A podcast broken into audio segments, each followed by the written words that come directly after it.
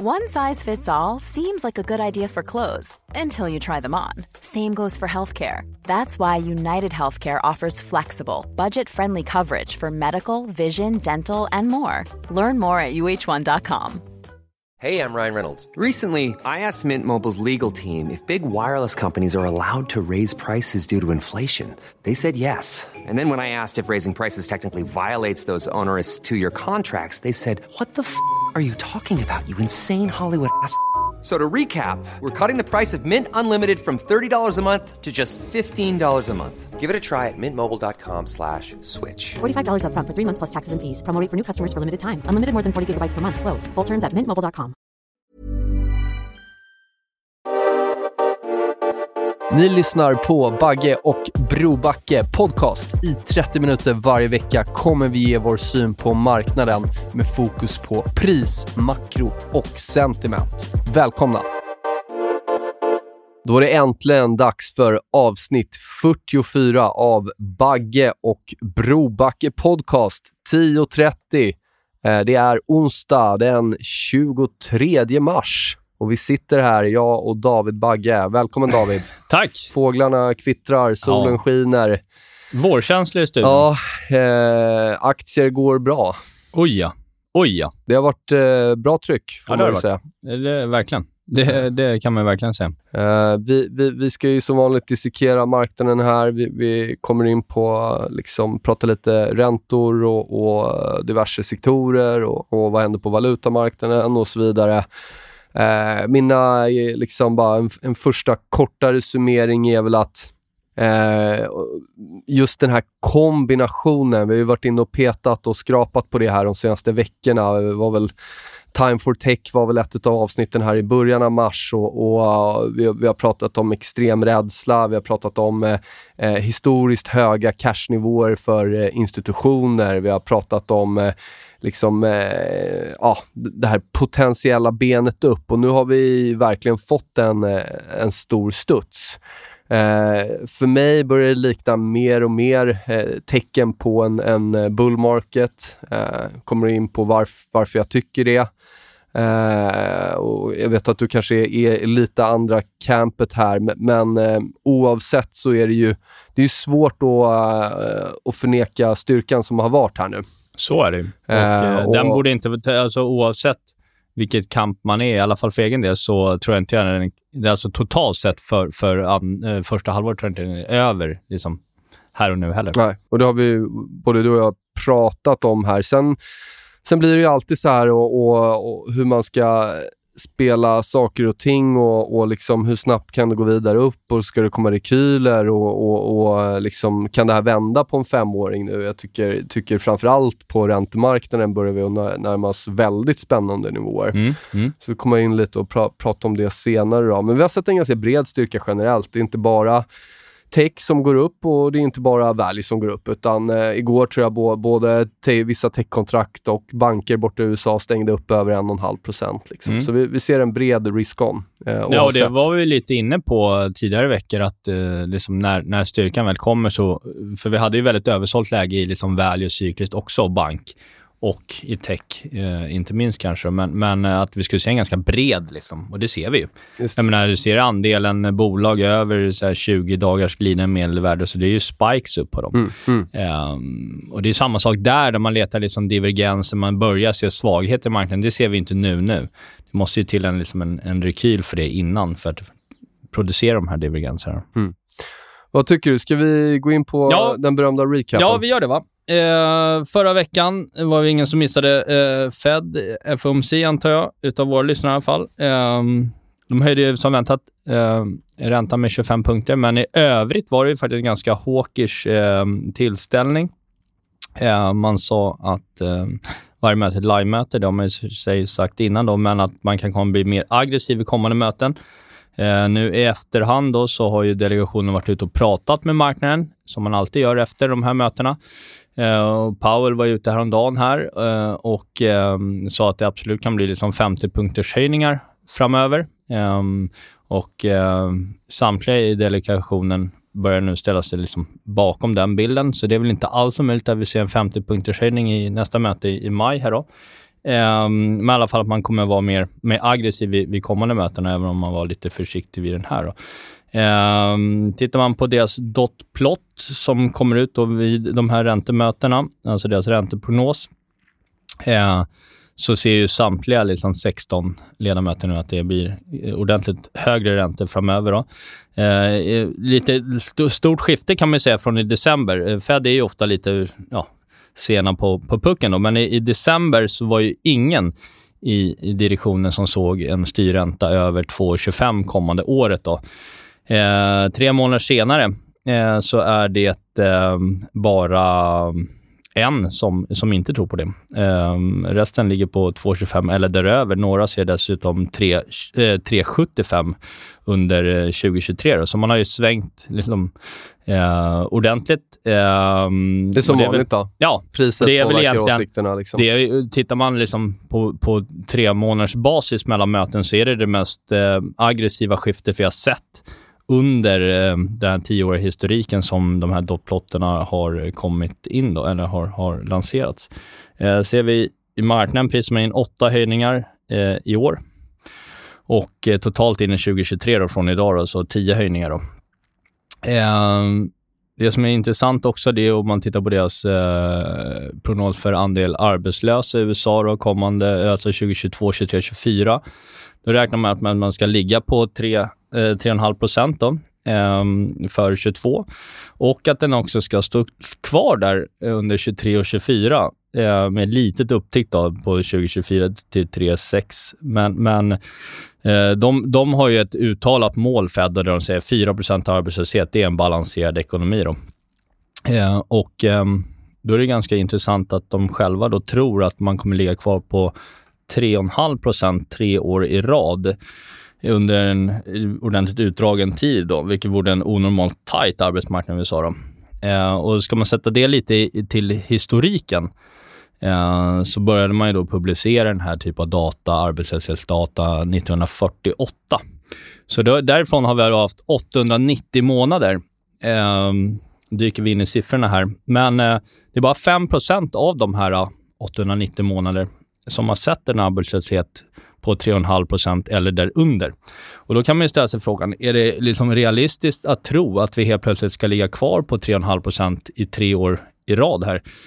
Eh, personligen så, så, så kan jag väl liksom ställa mig lite tvekande till den och, och um, Fed tror ju också att inflationen ska ner mot 2% De har en eh, prognos på 2,3% under 2024. Lite svårt att se liksom att båda de här prognoserna ska säga, glida i mål på ett väldigt smidigt sätt. Liksom. Ehm, ehm, så att det blir ju, det kommer ju vara fortsatt liksom, fokus på centralbankerna, speciellt under det här året. Då. Eh, men som du sa, börserna reagerar positivt. Ehm, short covering rally eh, primärt och då menar jag väl kanske inte bara att folk köper tillbaka liksom tidigare blankade positioner utan att man också då stänger eh, puttar som man haft på inför Fed och eh, inför den OPEX-lösen, kvartalslösen vi hade i fredags. Det gör ju att eh, eh optionsdealer, optionsdeskarna måste då köpa tillbaka index då när de inte behöver hedga de här eh, optionskontrakten i samma utsträckning som innan. Volatiliteten har ju kommit ner ordentligt eh, sista veckan. Så vi har också haft en en rätt bra CTA-aktivitet, eh, vol target funds och så som, som ökar upp aktieexponeringen eh, på fallande eh, eh, volatilitet. Vi är lägsta du, där sedan 17 februari. Ja, men de är ju långt ifrån liksom fullallokerade, så där har vi liksom en, en, en, en, en köpare i marknaden. Och jag läste att eh, CTAs kommer att vara köpare Givet att inflationen inte spikar upp i närtid så kommer de vara köpare i en stigande börs och i en fallande börs. Eh, så de kommer ju eh, eh, agera som, som köpare i marknaden härifrån. Då. Annars som du säger, långräntorna rakt upp. Min värld är en overshoot, men eh, det man kan säga är att eh, det pressar ju flöden in i aktier. För vart ska du ligga? Aktier är ju en, en, liksom, bra inflationshedge, framförallt kanske i början Sen kan man ju då hävda, fråga sig om vi är i början av en inflation eller inte. Men, men bonds är i alla fall skarpt neråt, vilket gör att du... Där tjänar du inga pengar alls. Där losar du bara pengar. Jag brukar ju tweeta den där eh, spidern mot TLT, alltså S&P 500 p- prissatt mot, eh, relativt mot 20-åriga bonds. Och den relationen har gjort en rejäl ny högsta nu. Ja. Eh, och, och, och det är ju, eh, det är klart, man, man får ju, man får ju liksom ställa sig frågan då, då är, det, är det att aktier är extremt attraktivt här eller är det att obligationer är väldigt oattraktivt? Ja.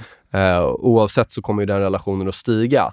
Eh, men eh, historiskt så har den typen av rörelser i den relationen väldigt sällan eh, kommit i en negativ marknad. Mm, mm. Nu blir det ju lite problematiskt. Vi har haft en, i princip en 40-årig nedåtgående trend eh, i räntor, men det är ändå perioder under den, eh, under den 40-åriga nedåtgående trenden som, som räntor har stigit. Då. Så Mm. att, eh, eh, och Det här slår ju lite hål på myten om att stigande räntor alltid ska vara dåligt för aktier, för det har det ju verkligen inte varit eh, de senaste eh, senaste veckan här. Nej, och det intressanta om man bara flikar in, det är ju att eh, Nasdaq och, eh, som du var inne på, tech och, och tillväxtaktier, med en ränta, långränta på, på 2,40 nästan i USA, Mm.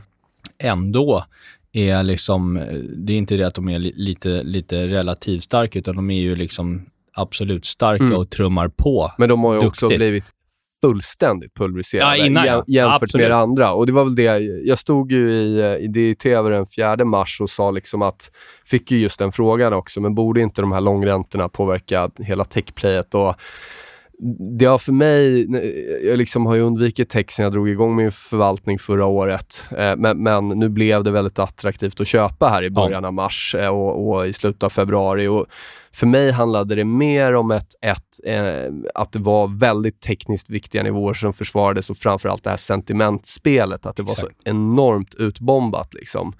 Över 50% av aktierna var ner mer än 50 Mm. och så vidare. Ingen ville ha tech. Det var liksom Eh, och, och eh, Ibland kanske man inte ska övertänka de här intermarket-korrelationerna utan ibland är det bara ett, ett, ett risk-on-klimat. Saker och ting är, när saker och ting är extremt utbombat, du har ett så eh, negativt sentiment och du hittar, du hittar stöd eh, och då liksom blir det inte värre. Eh, I det här fallet, det, det var liksom kärnvapenkrig och det Ja, var, allt skulle hända exakt. samtidigt. Liksom, eh, då får du den här typen av rörelser. Ja. Sen ska jag ändå säga att jag, jag, är, jag tycker väl ändå inte att om man blickar ut lite längre så tycker jag ändå att saker som till exempel banker, materials, eh, transports, eh, vissa länder som är mer value-tunga, typ Australien och så vidare, ser ändå bättre ut än Nasdaq och S&P i den mån att de, de har konsoliderat mer i tid än i pris. Mm, mm. Eh, och, det, och det är ju för mig ändå ett styrketecken.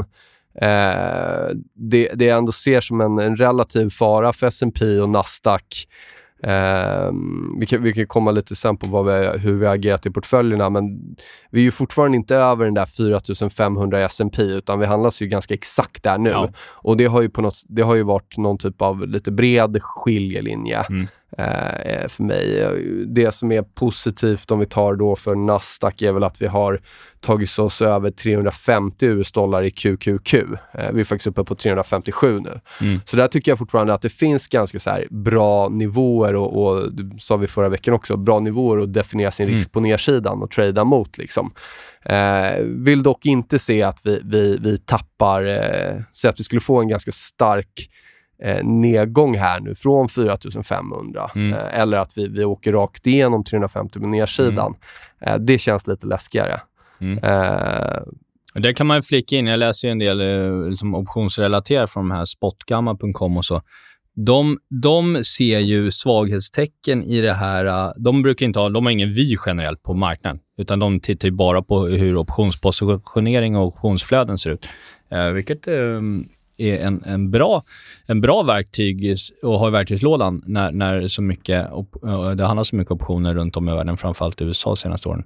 Men de ser ju då att eh, det har stängts väldigt mycket puttar, men det har inte köpt så mycket kol senaste dagarna.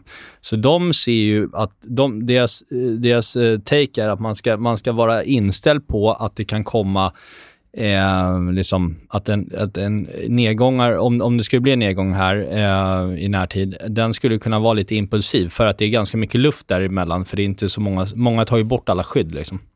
Eh, så man har det bara i, i bakhuvudet. Då. Jag tror dock att en sån, skulle det komma in i nästa vecka, tror jag den är köpvärd för en resa in mot liksom början, mitten av april. Då. Ehm, men som sagt, eh, jag tycker att det är intressant eh, med, med, med tech och tillväxt. Eh, och Det kan ju vara så att det är fler än en själv som drar slutsatsen liksom att eh, titta runt nästa hörn på huset. Att liksom, okej, okay, vad går vi in i för värld? Ja, vi har åtstramande penningpolitik. Vi har en finanspolitik som inte alls är lika expansiv som eh, tidigare eh, och eh, som man hade under covid i alla fall med alla stöden.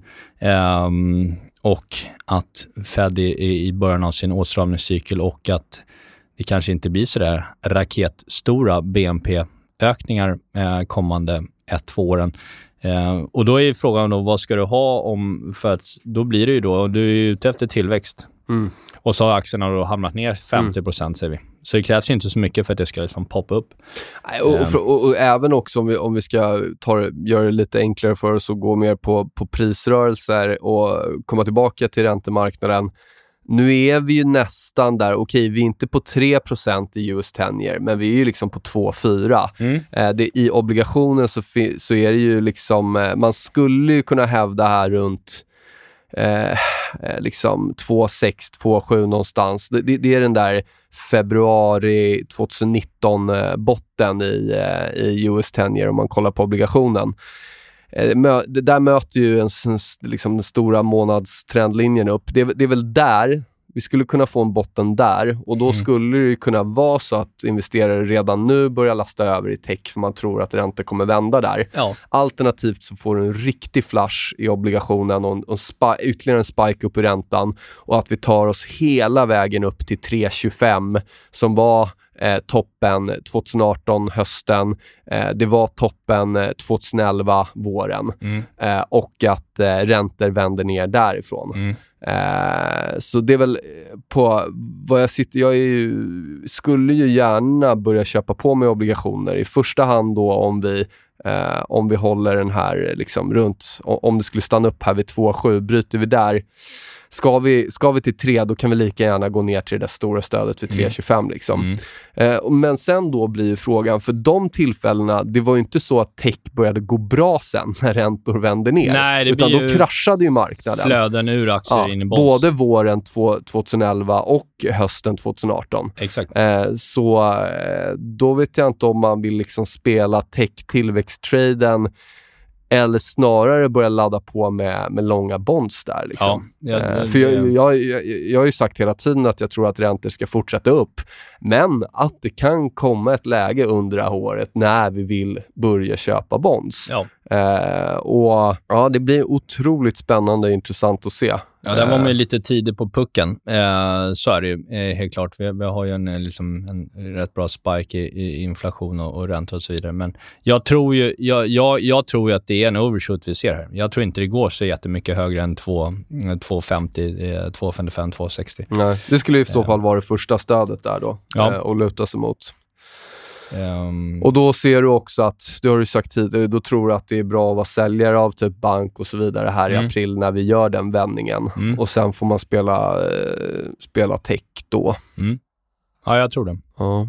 ja det blir ehm. spännande oavsett. Men det, det, sen, sen kommer ju Europa in i leken också. Och så har vi tyska tioåringen på över 0,5 nu. Mm. 1% är där, om du tar från 92 och drar en rak trendlina ner, så är det där den större nedåtgående trendlinjen eh, liksom, eh, definieras. Du mm. kan gå ännu längre bakåt i tiden, men om vi ska hålla oss till en 30 års tidshorisont, mm. det är ändå ganska mycket. Eh, jag tror jag tweetade om det här i morse också, liksom att när jag pratade om 1% i bunden förra sommaren, då var det lite mm. så här, nej men det kommer inte hända. Liksom. Mm. Mm. Nu är vi snart där. Mm, mm. Eh, och det är fullt naturligt, för att har vi en 30-årig nedåtgående räntetrend, då får vi en recency bias. Och ja, folk tror inte att det kan avvika. Och vi kan ju faktiskt gå till 1% utan att den trenden är bruten. Så att, eh, ja, det blir eh, helt klart Men det blir, spännande. det blir eh, ruggigt svettigt för, för um konsument och det är ju liksom till skillnad från 10-20 år tillbaka så är, då hade du kanske mestadels bolån. Nu har du ju lån på varenda pryl mer eller mindre i hela hemmet, bilar och alltihopa. Eh, ja, så beror på. Jo, jo, men gemene man, ja. skuld, skuldsättningen i samhället ja. är en helt annan. Så, är mot, så, är så att det, det finns ju, en, det finns ju en, en, en brytgräns någonstans där börsen kommer börja oroa sig ganska skarpt för stigande räntor. Ja, och sen bara så här rent jätte, jätteenkelt, inte konstla till det. Rätt attraktivt att få 3-3,25 för en amerikansk tioåring. Betta på att amerikanska staten är ganska attraktivt. Ja, exakt. Och så har du eh. liksom en och en halv i direktavkastning på S&P typ. Då har ja. du det dubbla från... Men eh, eh, bara kommer in lite på... Um, om vi har pratat liksom CTA som en, som en, en köpare i marknaden, så kan man ju kolla på buybacks.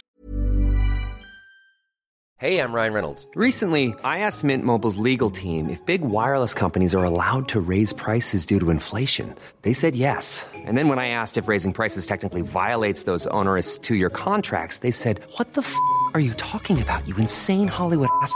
So to recap, we're cutting the price of Mint Unlimited from $30 a month to just $15 a month. Give it a try at mintmobile.com slash switch. $45 up front for three months plus taxes and fees. Promo for new customers for limited time. Unlimited more than 40 gigabytes per month. Slows. Full terms at mintmobile.com.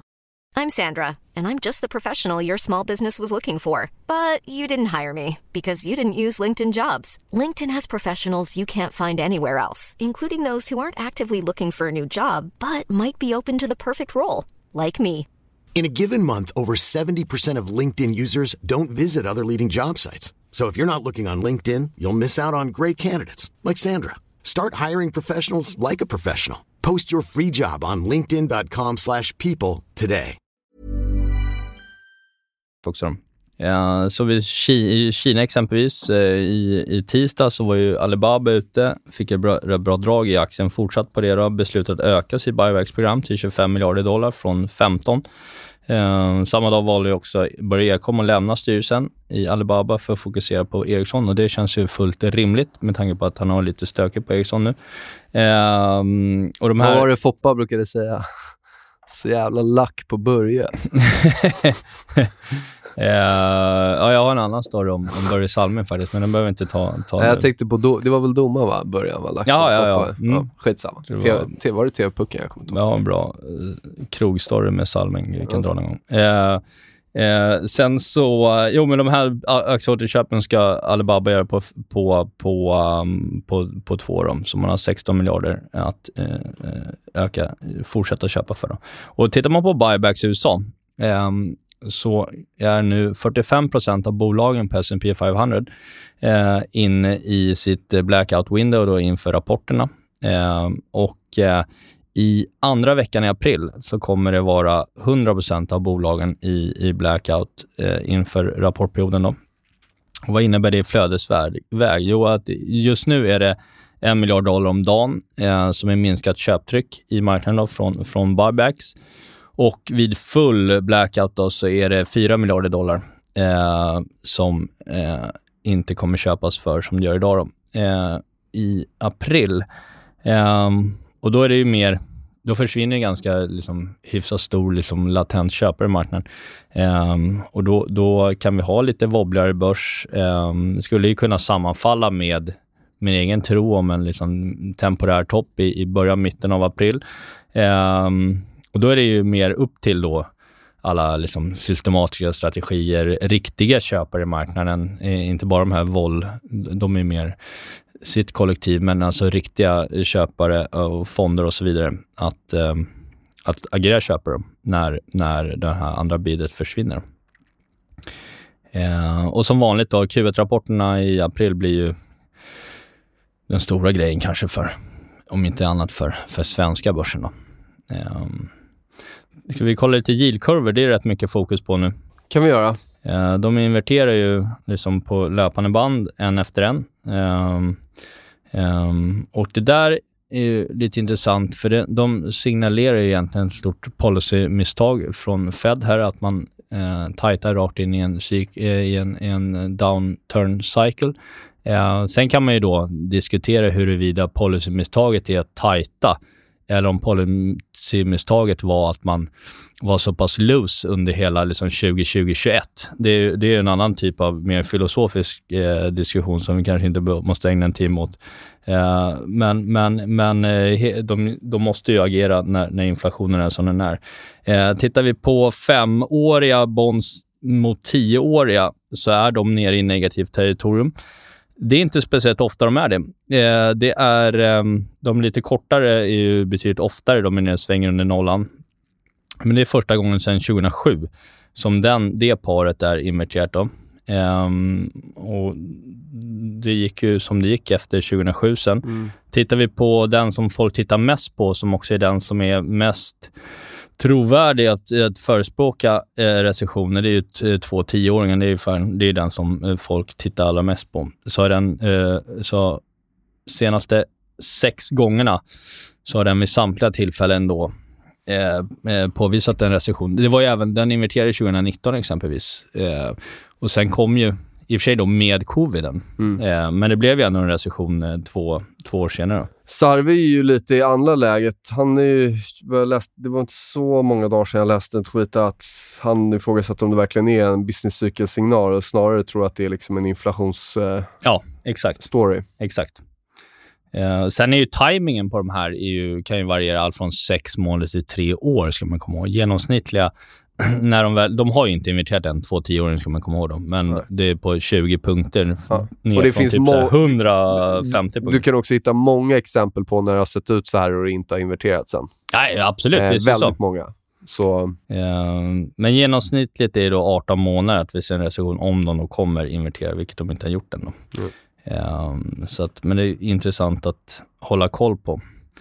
Eh, marknaden, marknaden behöver ju en, en story eh, och jag skulle säga att det måste ju alltid finnas en rubrik varför det går ner eller varför det går Mm. upp. Och eh, det här är ju en sån här, börjar det gå ner någon gång under vågkanten här, då kommer det då kommer en sån här liksom att eh, lyftas ut upp igen. Då, liksom. Men vad, vad tror om vi ska ändå prata stories, vad tycker du om den här breath trust-storyn som ändå många tekniker med mig gillar att kolla på? Alltså den här Mm. typen av styrka vi har haft nu i S&P och Nasdaq de här Mm. dagarna, Mm. det är historiskt eh, något som händer i bullmarknader och det är också väldigt ofta något som sker i starten på nya bulltrender. Då kanske Mm. vi inte pratar en ny bulltrend i tio år, men Nej. liksom ett år framåt eller Mm. Eh, Jag, jag tror jag läste liksom i princip alla fall där man tittade på, eller alla avläsningar, så var det så här, står S&P typ 20% högre ett Mm. år, eh,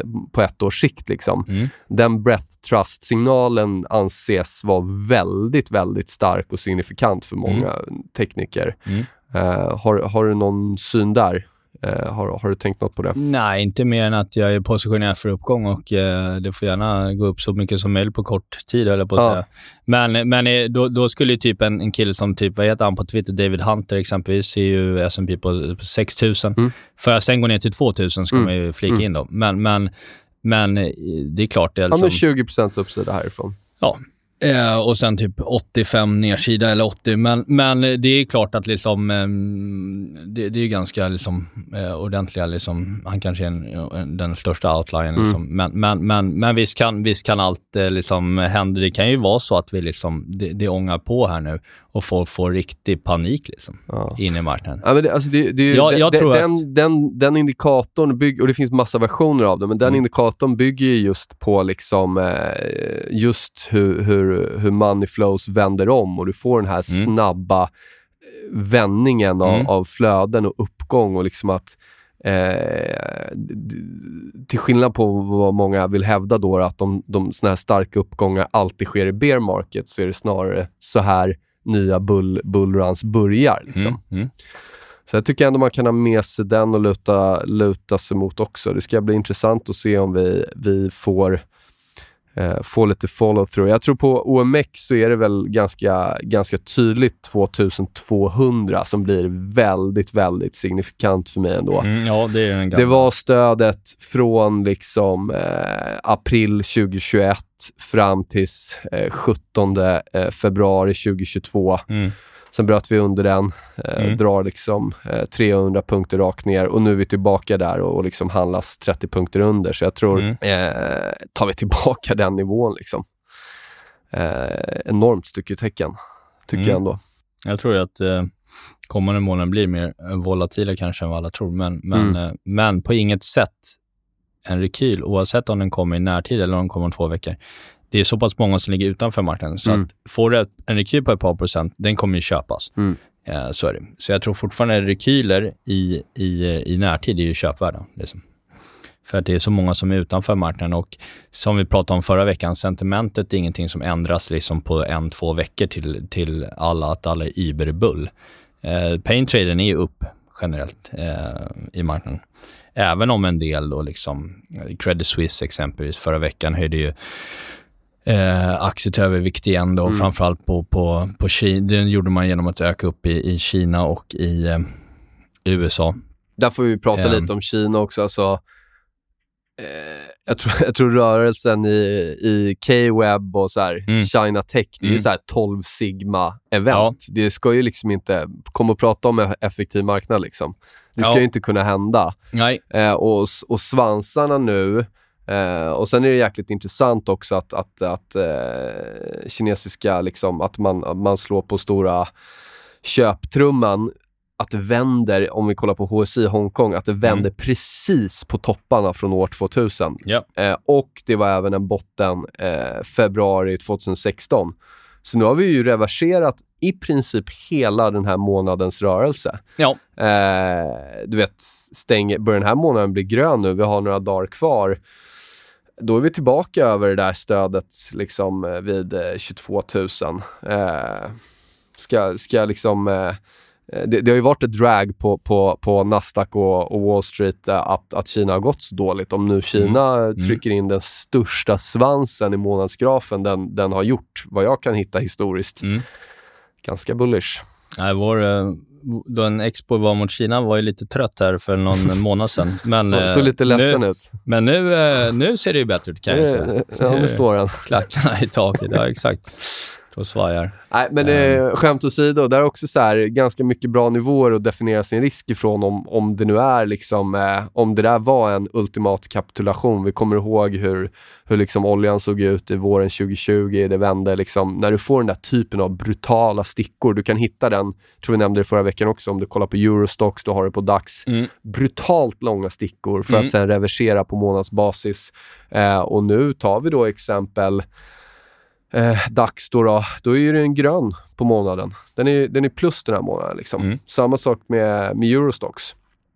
Eh, och det, ja, det, det är ändå ett, ett, eh, det är ju ändå definitionen av ultimat kapitulation på något sätt. Eh, Eh, Jag hade med i DTV när jag var med i Börsmorgon i måndags, hade med en långsiktig månadsgraf på världsindex.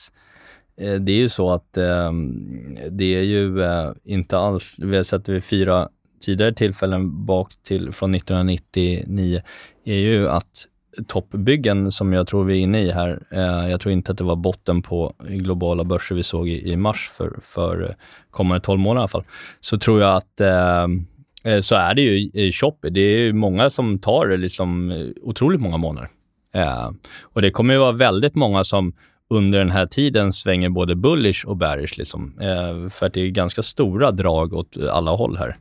Eh, men jag tycker att det eh, kan vara lite bra ibland att zooma. Eh, ofta sitter man och tittar liksom på betydligt kortare tidsperspektiv och för egen del så kan det vara bra att bara ibland inte varje dag, men, men ibland zooma ut lite och sitta vad, hur det ser ut på riktigt långa. Nej, men det är ju något av det viktigaste jobbet jag gör och det är att kolla efter månadsstängningar. Liksom. Ja. Du måste ju ha den kartan klar.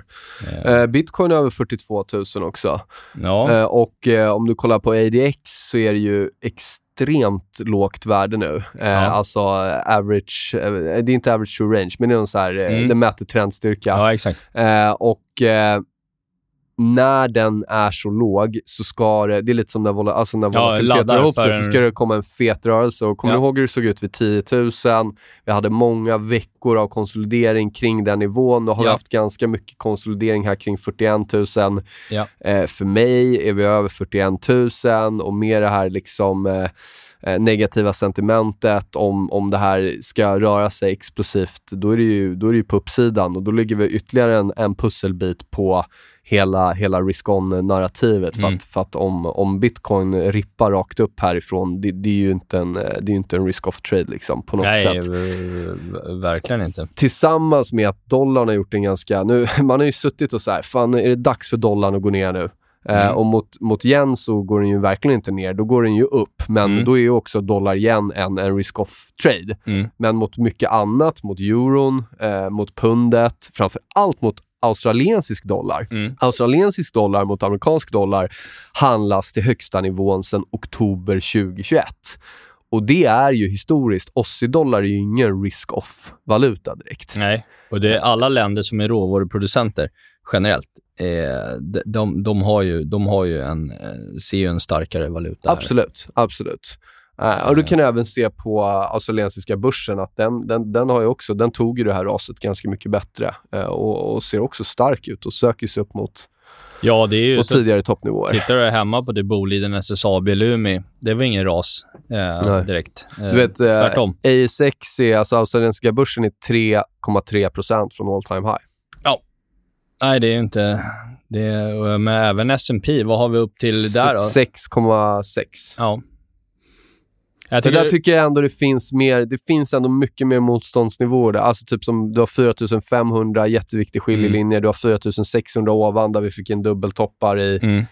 eh, februari, i februari liksom. Eh, så att eh, Men man, ska tycker... nog inte, man ska inte skriva av, tycker jag, boomer value-traden eh, ännu.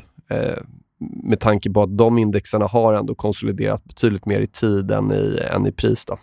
Men jag tycker att eh, var någon gång här i, i mitten av mars när vi sa att en, en, ett, ett drag uppåt skulle kunna tas eh, hela vägen till februari högsta. Ja. Eh, det är en bit kvar till för OMX exempelvis då. Men, men det är inte sådär liksom... Alltså, Mm. S&P eh, känns ju ganska liksom, men, o- troligt vi och, men också OMX. Liksom. Det, nu är vi på 2170 här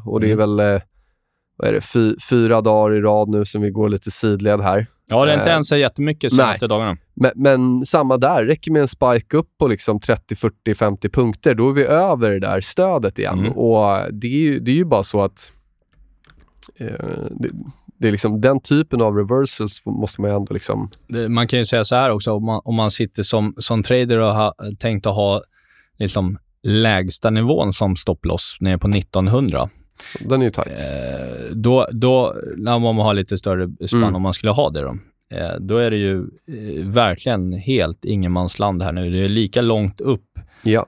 eh, till gamla all time high eh, som det är på hela vägen ner. Mm. Det är 300 punkter åt varje håll.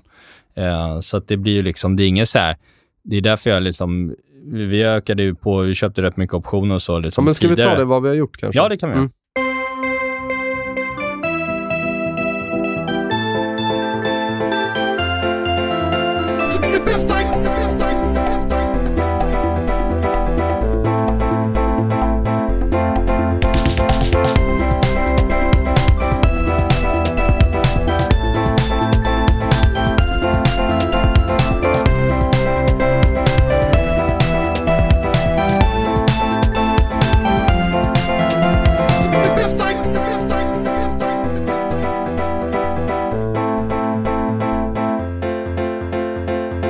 Du får börja, min vän. Tack. Eh, ja, det har inte varit så jätteroligt liksom. Eh, jag tycker det är roligast på börsen när det händer mycket grejer och eh, när, när, när man har tagit positioneringen för att det skulle ha en bounce och det går upp så gör jag inte så jättemycket. Vi har stängt lite puttar. Vi, vi köpte ju calls i, i under, under, under mars här. Eh, fick in en väldigt bra på OMX på 19-17 nivån exempelvis. Men vi ställde, det var ju rätt dyrt. Mm, vollan var ju väldigt dyr.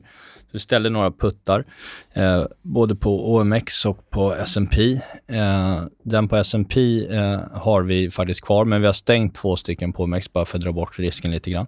Jag har inte gjort egentligen någonting i aktieväg. Vi köpte ju på, liksom, framförallt ökade upp i amerikansk eh, som Spotify, Facebook eh, och ARK-ETFen för två veckor sedan har gått fantastiskt bra. Inte släppt dem än. Ehm, tror att det finns lite kvar att ge där. Ehm, inte gjort så mycket överhuvudtaget på, på, på liksom aktiefronten, utan det är derivaten som vi... Men där, Vi har en hel del som går till lösen i juni.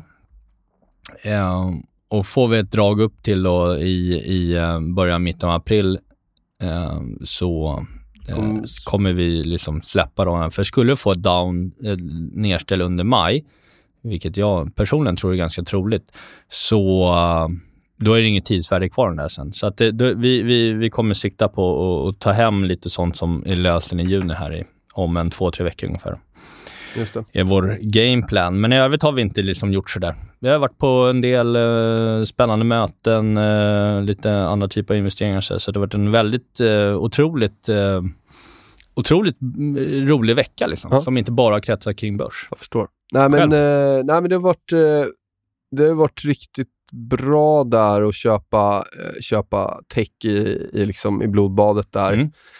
Eh, och sålde ju råvaror, men det berättade jag om ju sist. Och eh, nu i fredags på stängning så tog jag ändå hem vinster. Jag låg ju drygt 85% allokerad mot aktier. Mm, mm. och jag har ju en logisk strategi, så det var ju ändå ganska mycket. Så att jag, jag stängde ut eh, 25% av dem. Mm.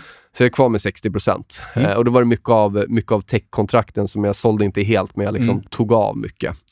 Eh, men... Eh, Ja, men fullt rimligt efter det uppstället. Ja, Alltså, och liksom, jag tror jag, jag har ju nu gjort eh, mer än halva årsavkastningen redan i år. Ja. Eh, ligger på all time high.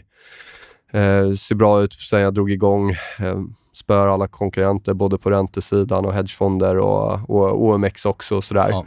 Så att eh, sen så, så tror jag liksom fortfarande att man får vara liksom, agil och skulle vi se, skulle vi se liksom att säljare kommer in ordentligt här vid 4500, 2200 på OMX eller Eh, då, då kanske man får omvärdera situationen och jag är fortfarande så här att jag tror att det blir ett läge att köpa bonds i år, Mm. eh, och, som jag pratade om innan. Och jag, Mm. jag är inte så säker på att, eh, att det kanske är ett läge där man vill vara fullsmetad i aktier om vi får en sån här snabb, för det, det, det är väl det läskiga. Det är ofta det största missförståndet kring, kring räntor tycker jag att det är den där snabba ränteuppgången och så får du en stor reversal. Den Mm. kan bli ganska liksom, eh, jobbig, men så länge det här fortsätter upp, jag tycker ändå de här breath trust-signalerna vi har fått nu är Alltså de historiskt är extremt starka signaler. Mm. Eh, det går liksom inte att gå emot den.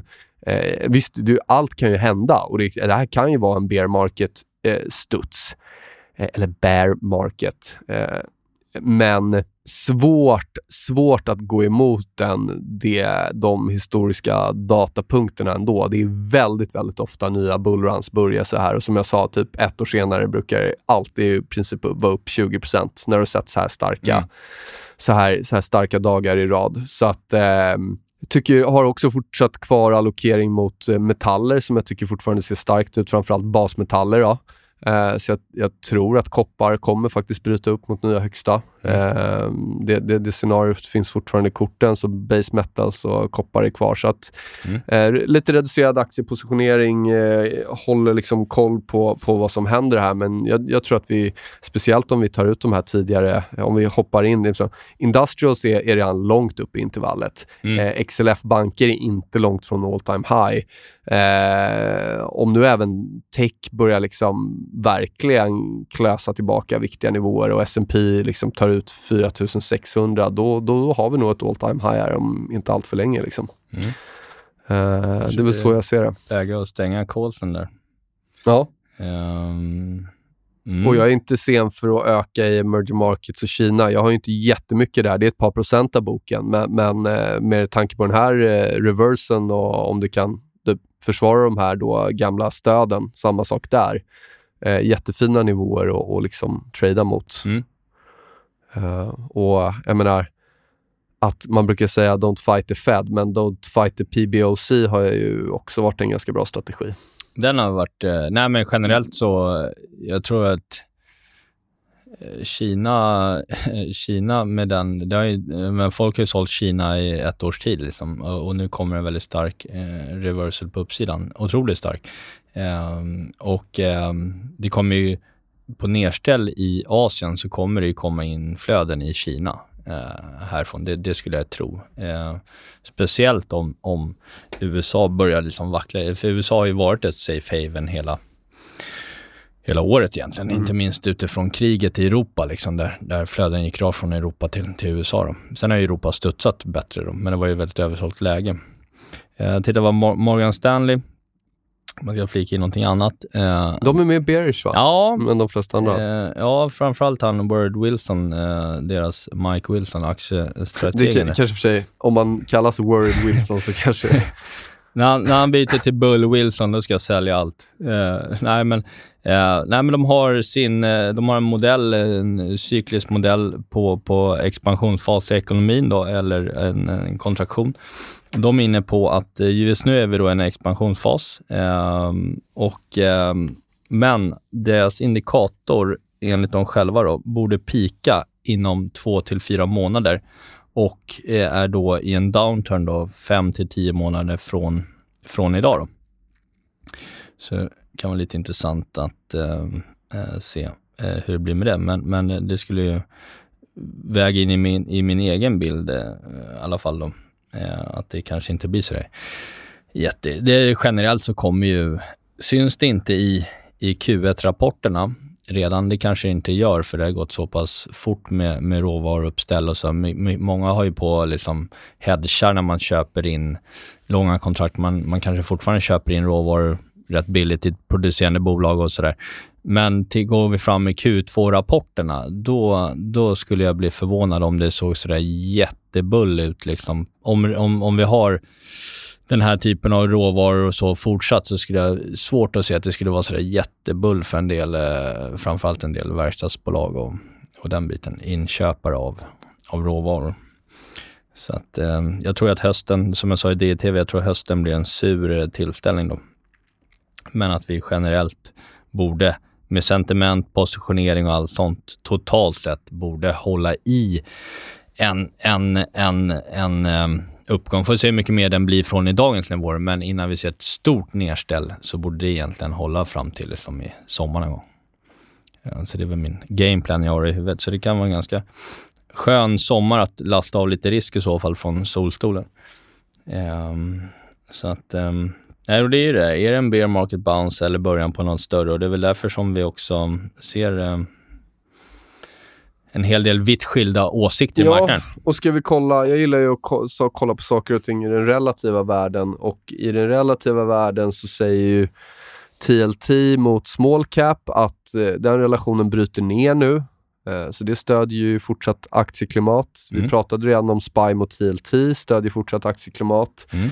Du har high beta versus low beta som har studsat där den behövde och där den har studsat liksom, ja, egentligen, vi har konsoliderat i den relationen i, sedan januari 2021. Mm. Och den studsade på botten och ser ut att vilja bryta upp mot nya högsta.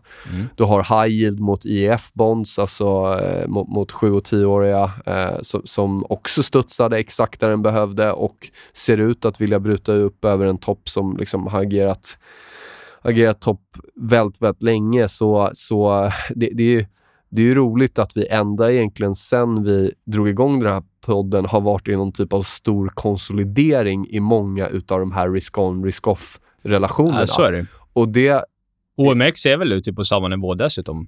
ja, exakt. Alltså det är inte jättestor skillnad i alla fall från ja, eh, exakt. april Jag förra året. tror, eh, tror eh, vi drog, var det i mars vi drog igång? Eller? Jag kommer Mm, inte början ihåg. av april tror jag. Ja, ja, då är vi ju faktiskt precis lite under det.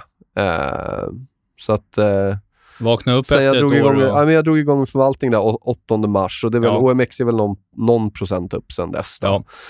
Men det ja, så att det, det, är- återigen så här, det, är- det är ju inte en, det är inte en full out bear market, men det är heller liksom, ja, det, det är ju definitivt sideways, choppy, messy, frustrerande. Mm. Eh, och det, det har vi väl liksom verkligen märkt här. Ja, lo- loggade du ut från din de- depå i, som äg, ägare av indexfonder och loggar in igen ett år senare så, så kan man ju då tycka att det var ett väldigt lugnt och skönt år. Det har inte hänt någonting. Liksom. Ja, då inte missat Då någonting. har man inte kollat på kurvan. Nej, Nej. exakt. Det var både betydligt över och betydligt lägre under tiden. Ja. Ja, nej, annars så har jag inte sådär liksom jättemycket att eh, komma med. Jo, jag ska, jag ska nämna något om, det är ju rätt mycket snack om dödskors nu när, när eh, på S&P här. Det är, folk gillar ju att skriva sånt där. Eh, Ja, men det är ju sådana som typ aldrig kollar på teknisk analys annars och så, Ah, ja, ja, så oh läser de om dödskors. Och det är väl, gör man jobbet och kollar på datan så är väl dödskors... Det var- för, det var någon som skrev det lite komiskt, jag tror Gabriel twittrade det. Det har förutspått 11 av de senaste två eh, recessionerna. Ja, så skulle- vad, vad, det implicerar alltså att det är väldigt många falska signaler. Det är kanske Ja. är det du ska prata om. Ja, eh, men nu behöver jag inte prata om det Eh. Nej, men, men, men ehm, när man har haft det här på S&P så, så i snitt då, på 12 månader så står eh, börsen då ehm, eh, 13 procent ehm, högre. Eh, Så att det är liksom alla som skrä- skräms med, med den typen av... Vi har ju dock haft då, det finns två stora outliers i det här eh, och det är då 2007 Ja. Ehm, och det är eh, år 2000. Mm. Då gick börsen ner Ja. eh, ordentligt efter. Men eh, annars, alla andra år då, Ja. sedan 1990 är, är på Och plussidan. det, och det är rätt lustigt också, för vi pratade ju om de här rekordnegativa sentimentsläsningarna här senaste poddarna. Eh, och, det Ja. var, och samma där, att det har ju alltid varit en väldigt bra contrarian-signal att köpa, utom vid två tillfällen. ja, det är de två åren. 2000 och Ja. 2007. Så då får man ju ställa sig frågan nu, är vi i ett 2000 eller 2007? Eller tror man att vi är i ett annat klimat, som det oftast är? Då? Ja, jag tror inte Det är, ändå det... Out, det är ändå outlier, eh, outlier events. Eller liksom, det är ändå... Du har ju statistiken emot dig, så att säga. Ja, du det. bettar på De- 2000 och Och tar, 2007-scenarierna. man, tar man 2000 så hade vi en, en, en, en IT-krasch. Det var en helt annan värderingar i marknaden eh, generellt än vad det var nu. Eh, tar man 20, 2007, eh, tror man på det scenariot, ja då tror man också på en ny finanskris då, eh, där, där världen i stort sett brinner upp. Och det, det, jag har ju någon bild liksom däremellan. Jag, jag ska ju liksom, när jag, när jag pratar liksom en, en bear market höll jag på att säga, Ja. men liksom en, en stor konsolidering kommande år så ser jag liksom så här S&P 3 och 6 liksom. Det är ingen jätte... Det är en 20% ner sen, 25% ner sen toppen. Ja. Liksom. Men också så här, Men jag ser banker... inga 50 ner. Ja. Men banker, liksom, amerikanska banker återigen, blir lite tjatigt, men handlas ett par procent från all time high. Mm. Det var inte direkt så det såg ut 2007, utan bankerna började ju toppa ur mycket, mycket tidigare. Ja, ja, exakt. Eh, så att det är ju, ja. Jag inte, svår, om, vi nu, om vi nu går upp och, och tar ett rejält kliv upp i bankerna eh, över den här 2008-toppen där vi Mm. cirkulerar nu, Mm. då ska vi inte ha en ny finanskris. Va? Då borde ju banker handlas Nej, neråt. Bankerna är ju inte alls så, eh, mot om man jämför med tidigare, så har man ju en helt annan kapitalisering. Eh, lär, lärt av historien. Liksom. Det finns en helt annan eh, regulatorisk eh, ramverk för bank nu, som det inte gjorde 2007. Liksom. Mm.